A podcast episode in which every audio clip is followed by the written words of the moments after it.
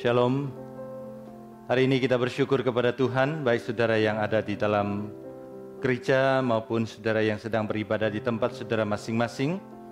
Hari ini kita akan belajar firman Tuhan yang diambil dari teladan keluarga Yusuf dan Maria, di mana mereka menemukan Yesus Kristus yang karena tetap tinggal di Yerusalem ketika orang tua mereka berjalan pulang dari Yerusalem dan akhirnya ditemukan kembali. Sebelum kita belajar firman Tuhan, mari kita berdoa terlebih dahulu. Saat ini kami datang mengucapkan syukur kepada Allah kami di surga. Kami bersyukur Tuhan Engkau memberikan kesempatan kepada kami untuk beribadah dan saat ini kami mempersiapkan hati kami untuk mendengarkan firman-Mu. Mohon Tuhan urapi hamba-Mu dan mengurapi setiap saudara-saudari kami yang mendengarkan. Berbicaralah kepada kami Tuhan, karena hati kami sudah siap. Demi nama Tuhan Yesus kami berdoa. Amin. Mari buka Alkitab di dalam Lukas pasal kedua, ayat ke-41 sampai kepada ayat ke-52. Kalau saudara sudah mendapatkan, silakan memperhatikan Alkitab saudara. Saya akan bacakan untuk saudara sekalian. Firman Tuhan berkata demikian, Yesus pada umur 12 tahun dalam bait Allah. Lukas pasal 2 ayat 41. Tiap-tiap tahun orang tua Yesus pergi ke Yerusalem pada hari raya Paskah. Ketika Yesus telah berumur 12 tahun, pergilah mereka ke Yerusalem seperti yang lazim pada hari raya itu. Sehabis hari-hari perayaan itu, maka ketika mereka berjalan pulang, tinggallah Yesus di Yerusalem tanpa diketahui orang tuanya. Karena mereka menyangka bahwa ia ada di antara orang-orang seperjalanan mereka. Berjalanlah mereka sehari perjalanan jauhnya, lalu mencari dia di antara kaum keluarga dan kenalan mereka. Karena mereka tidak menemukan dia, kembalilah mereka ke Yerusalem sambil terus mencari dia. Sesudah tiga hari mereka menemukan dia dalam bait Allah. Dia sedang duduk di tengah-tengah alim ulama sambil mendengarkan mereka dan mengajukan pertanyaan-pertanyaan kepada mereka. Dan semua orang yang mendengar dia sangat heran akan kecerdasannya dan segala jawab yang diberikannya. Dan ketika orang tuanya melihat dia, tercenganglah mereka. Lalu kata ibunya kepadanya, Nah, mengapakah engkau berbuat demikian terhadap kami? Bapamu dan aku dengan cemas mencari engkau. Jawabnya kepada mereka, Mengapa kamu mencari aku? Tidakkah kamu tahu bahwa aku harus berada di dalam rumah Bapakku? Tapi mereka tidak mengerti apa yang dikatakannya kepada mereka. Lalu ia pulang bersama-sama dengan mereka ke Nazaret, dan ia tetap hidup dalam asuhan mereka dan ibunya menyimpan segama semua perkara itu di dalam hatinya. Dan Yesus makin bertambah dan besar dan bertambah hikmatnya dan besarnya dan makin dikasih oleh Allah dan manusia. Sampai di sini kita membaca Alkitab. Saudara yang dikasih oleh Tuhan Yesus kata orang membesarkan anak atau mendidik anak itu seperti memegang seekor burung di dalam tangan. Kalau kita pegang terlalu kuat, terlalu ketat, burung itu mati. Tapi kalau kita terlalu longgar, burung itu terbang. Seperti itulah cara kita mendidik anak. Diperlukan satu hikmat khusus untuk menjaga relasi kita dengan anak kita supaya tidak terlalu ketat dan tidak terlalu longgar. Pas sehingga anak mempunyai lingkungan yang nyaman, suasana yang enak untuk bertumbuh. Saudara sekalian teks hari ini mengajarkan kepada kita bahwa orang tua Yesus adalah orang tua yang berhikmat. Mereka membangun relasi yang baik dengan Yesus Kristus. Dan hal pertama kita belajar dari mereka adalah bahwa Yusuf dan Maria membangun relasi yang didasarkan pada kepercayaan dan kasih sayang. Trust and love, dua unsur yang sangat penting di dalam relasi antara orang tua dan anak. Saudara ayat 12, ayat 42 kita membaca bahwa Yesus waktu itu berumur 12 tahun. Nah menurut tradisi orang Yahudi, umur 12 tahun itu belum dewasa. Saudara tahu orang Yahudi dianggap dewasa, mandiri itu umur berapa? Umur 13 tahun. Pada hari ulang tahun ke-13, orang-orang Yahudi akan mengadakan satu upacara. Kemudian anak itu akan dinobatkan. Biasanya macam-macam, salah satunya adalah memegangkan kuk di atas kepala sebagai lambang atau di atas pundak bukan kepala ya di atas pundak anak itu. Sebagai lambang kuk itu adalah lambang dari Taurat. Dan sekarang kamu sudah menjadi anak dari Taurat anak dari hukum Taurat ya. Bahasa Yunani eh, bahasa Ibrani-nya itu adalah bar mitzvah atau diterjemahkan menjadi bahasa Inggris the son of commandment kamu sudah menjadi anak perjanjian. Anak yang hidup di bawah perintah. Dan sekarang kamu sudah bertanggung jawab sendiri kepada Allah. Yesus waktu itu Alkitab menjelas, jelas mencatat dia berumur 12. Sehingga Yesus belum dewasa dan dia harus berada di bawah pengawasan dari orang tuanya. Oleh sebab itu, dia harus dijaga, dia harus dididik, dan dia harus diawasi. Namun saudara sekalian, yang menarik adalah ayat 43 dan 44 mencatat. Ketika mereka pulang, Yesus tinggal Yerusalem. Nah sebagai informasi, satu tahun biasanya bangsa Israel dari berbagai daerah pergi ke Yerusalem untuk merayakan tiga hari raya penting. Dan salah satunya adalah hari raya Paskah. Dan ketika mereka mengadakan perjalanan ke Yerusalem, mereka rombongan, rombongan, rombongan dan di dalam rombongan-rombongan mereka mengadakan perjalanan, mereka kadang-kadang naik unta, kadang-kadang berjalan kaki, dan mereka ketika berjalan kaki, mereka menyanyikan lagu-lagu Mazmur. Oleh sebab itu kalau saudara membaca kitab Mazmur, ada satu bagian yang disebut dengan nyanyian ziarah. Apa itu nyanyian ziarah? Nyanyian ziarah adalah nyanyian-nyanyian yang dinyanyikan oleh bangsa Israel ketika mereka secara rombongan-rombongan berjalan ke Yerusalem untuk mencari Allah. Salah satunya Mazmur 121 yang terkenal. Karena Israel itu adalah daerah pegunungan, maka lagunya adalah Aku melayangkan mataku ke gunung-gunung. Dari manakah akan datang pertolongan? Nah kalau kita di dalam ruangan atau di rumah, aku melayangkan mataku ke gunung-gunung. Mana gunung saudara sekalian ada gunung ya. Tapi bangsa Israel ketika mereka dalam perjalanan ke Yerusalem itu sangat kontekstual. Gunung, gunung, aku melayangkan mataku ke gunung-gunung. Dari manakah akan datang pertolonganku? Ya, bisa saja mereka nyanyinya bersahut-sahutan.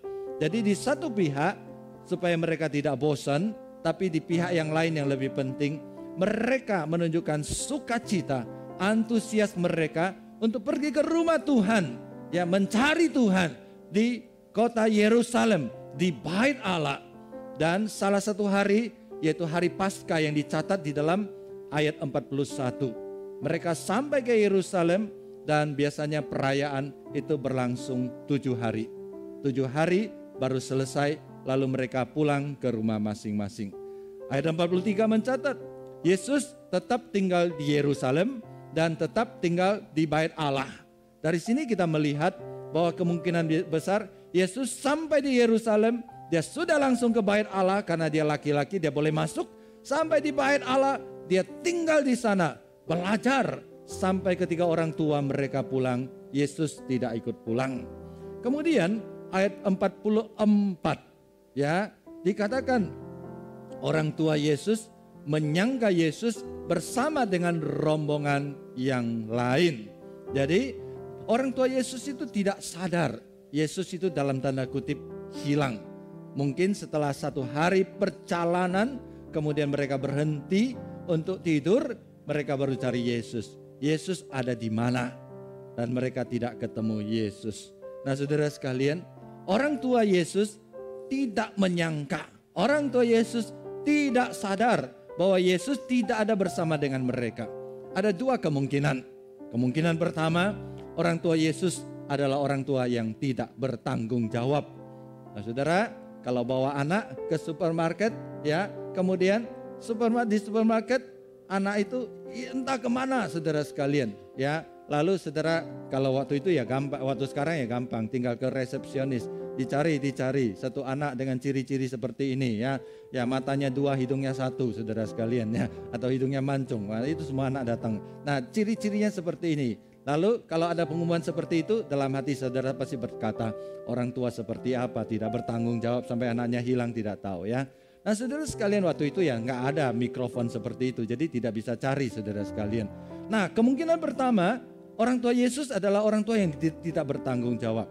Tapi kemungkinan kedua adalah karena Yesus dapat dipercaya. Orang tua Yesus mempercayai Yesus Kristus sehingga Yesus itu tidak dicekik mati sehingga gerak-geriknya kiri dikomentari, kanan dikomentari, ke depan dikomentari sampai Yesus itu disantroni sedemikian rupa sehingga Yesus tidak bisa bergerak sama sekali. Jadi ada dua kemungkinan.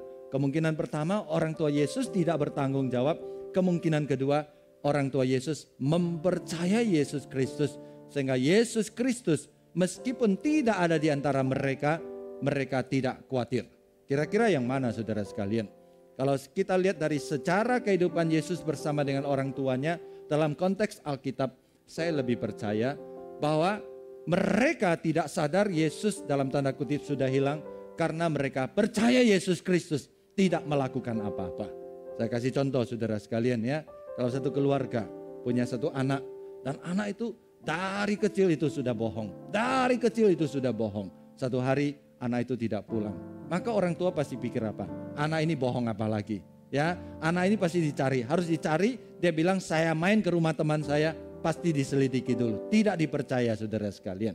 Tapi kalau dia punya anak kedua dan anak kedua itu dapat dipercaya, segala sesuatu dapat dipercaya, jujur dan satu hari anak itu tidak pulang. Lalu ditanya, nak kamu di mana? Saya di rumah teman. Tidak perlu diselidiki karena dipercaya. Saya kira seperti itulah relasi antara Yesus dengan orang tuanya. Dari kecil Yesus sudah kelihatan mandiri, dari kecil Yesus Kristus sudah dapat dipercaya. Sehingga orang tua tidak perlu terlalu dipusingkan oleh Yesus Kristus. Sehingga mereka tanpa sadar meninggalkan Yesus di kota Yerusalem. Jadi hal pertama yang kita belajar adalah kepercayaan. Orang tua Yesus percaya kepada Yesus.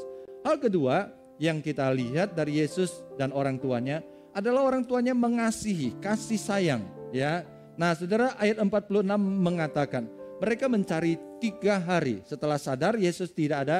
Tiga hari mereka mencari Yesus Kristus. Penafsir mengatakan tiga hari itu artinya mereka sudah lakukan perjalanan satu hari balik lagi satu hari itu sudah dua hari, kemudian mereka keliling Yerusalem ya sehari ketiga saudara sekalian. Jadi itu tiga hari.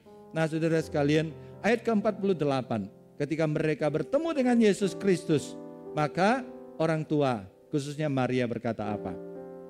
Aku, nah dari mana engkau ya ayat 48 mari kita lihat ya. Orang tuanya melihat dia lalu kata ibunya kepadanya, Nah mengapa engkau berbuat demikian terhadap kami? Bapamu, yaitu Yusuf ya, dan aku dengan apa? Dengan cemas. Jadi anaknya hilang, mereka cemas. Apa artinya cemas? Cemas artinya khawatir, cemas artinya tidak bisa tidur, cemas artinya terus terpikir. Jadi saudara sekalian ada kasih sayang ya. Jadi orang tua Yesus tidak hanya cemas tapi mencari. Jadi ada cemas, ada cari saudara sekalian dua-dua C ya. Jadi orang tua Yesus cemas dan mencari. Kecemasannya dibuktikan dengan mencari. Ya kalau saya mau pasang-pasang dua kata ini ya saudara sekalian ya. Ada orang cemas tapi tidak mencari anaknya. Ada orang tidak cemas tapi pergi mencari anaknya. Nah yang paling parah tidak cemas dan tidak pergi mencari. Itu artinya tidak sayang saudara sekalian. Nah saya kasih contoh di dalam kehidupan sehari-hari. Nah, kalau saudara, teman saudara beritahu kepada saudara, eh uang saya hilang 1 M. Saudara bilang apa? Ya turut berduka cita. Ya. Kemudian saudara simpati, saudara berusaha mencari, tapi saudara mungkin tidak sampai cemas, tidak sampai khawatir, tidak sampai bermimpi-mimpi. Kenapa? Karena itu bukan uang saudara. Saudara tidak merasa sayang, yaitu uang teman saya. Paling saudara menghibur dia. Tapi kalau uang saudara yang hilang satu M, satu ember saudara sekalian ya, satu miliar. Nah saudara sekalian, saya percaya saudara cemas. Dan saudara pergi, pasti pergi mencari. Ya, saudara pasti tidak bisa tidur. Ya, tidur pasti mimpi akan uang satu miliar itu. Mengapa ada dua perbedaan sikap yang begitu besar? Perbedaannya terletak pada apa? Pada kasih sayang. Saudara mengasihi uang saudara, sedangkan saudara tidak mengasihi uang teman saudara yang hilang. Hal itulah yang terjadi pada orang tua Yesus. Mereka sungguh-sungguh mencintai Yesus.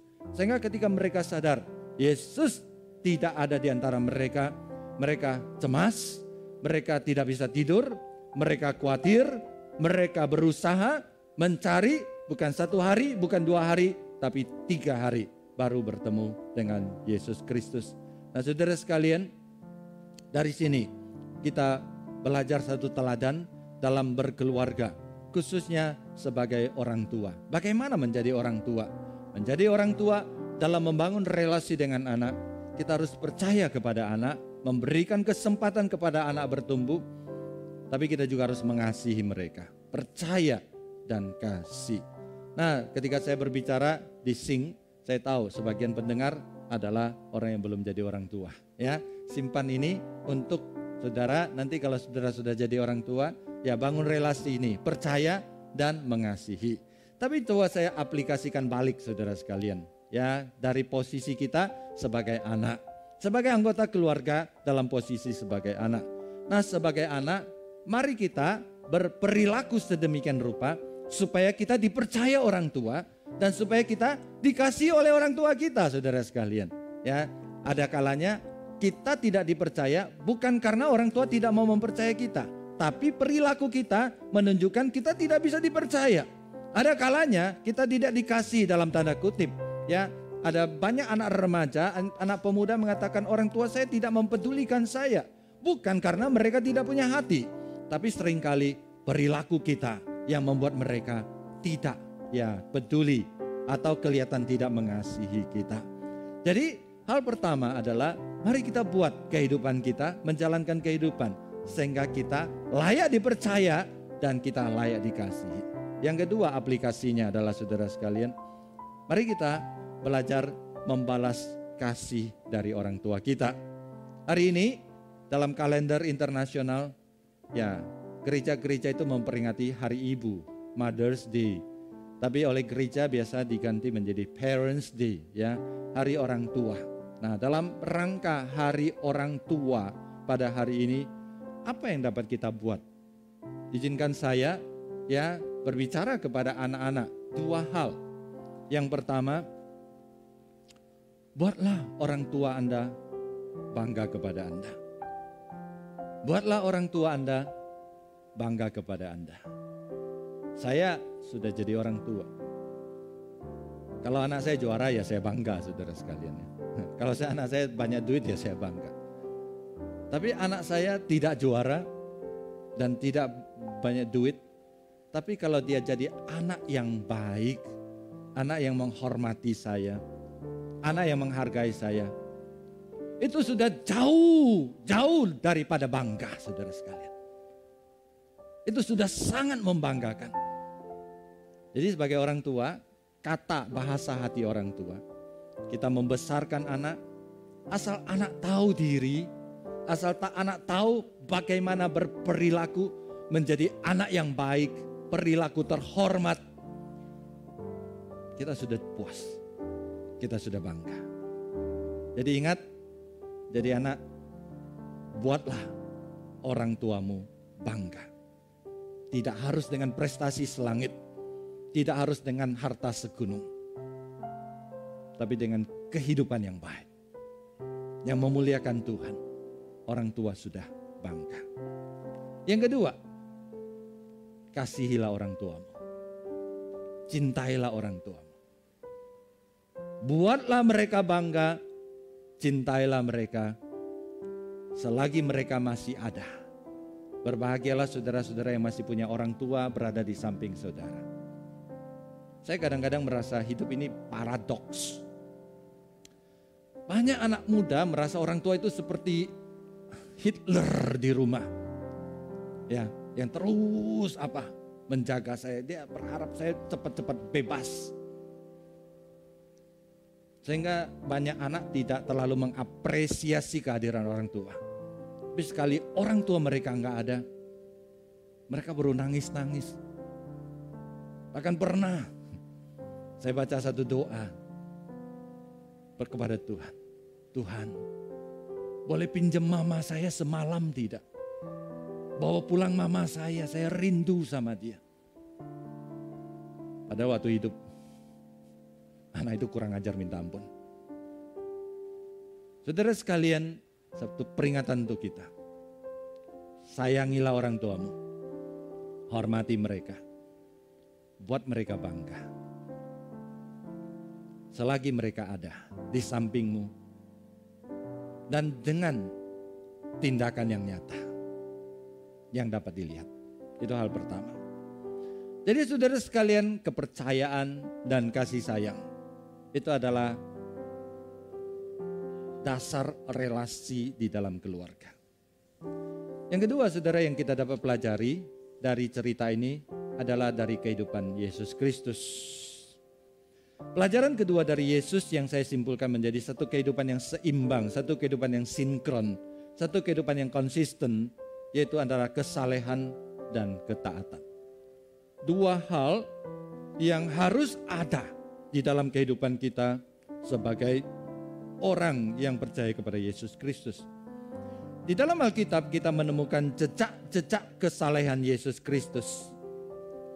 Ayat 43, Yesus sengaja tinggal di Yerusalem. Kemudian ayat 46, dia berada di bait Allah, berada di antara alim ulama. Alim ulama itu artinya guru-guru ahli Taurat. Kemudian ketika Yesus ditanya, "Kenapa kamu ya membuat bapak bapamu dan aku merasa cemas?" Yesus menjawab aku, "Apa?"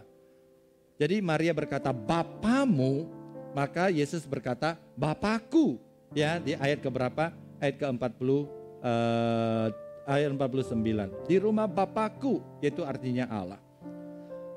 Saudara sekalian, Yesus memiliki kesalehan di dalam kehidupannya. Namun hal yang indah dari ayat firman Tuhan hari ini adalah adanya sinkronisasi, kesinambungan antara kesalehan hidup dan ketaatan. Artinya Yesus tidak hanya memiliki kesalehan di dalam pengetahuan, tapi Yesus wujud nyatakan kesalehannya di dalam tindakan yang nyata, dalam sebuah ketaatan kepada orang tua. Jadi Yesus tidak hanya mengasihi Allah itu saleh, tapi Yesus mentaati orang tuanya. Saudara sekalian itu juga poin penting bagi kehidupan kita sebagai orang Kristen. Kita jangan hanya jadi orang yang saleh di gereja, saleh ketika kita baca Alkitab, saleh ketika kita berdoa, beribadah, tapi menjadi orang yang tidak karu-karuan ketika kita menjalankan kehidupan. Nah, bagaimana kita menafsirkan Yesus itu taat kepada orang tuanya? Ayat 49 banyak orang salah tafsir. Ada penafsir yang mengatakan Yesus itu jawabannya kurang ajar. Mengapa kamu mencari aku?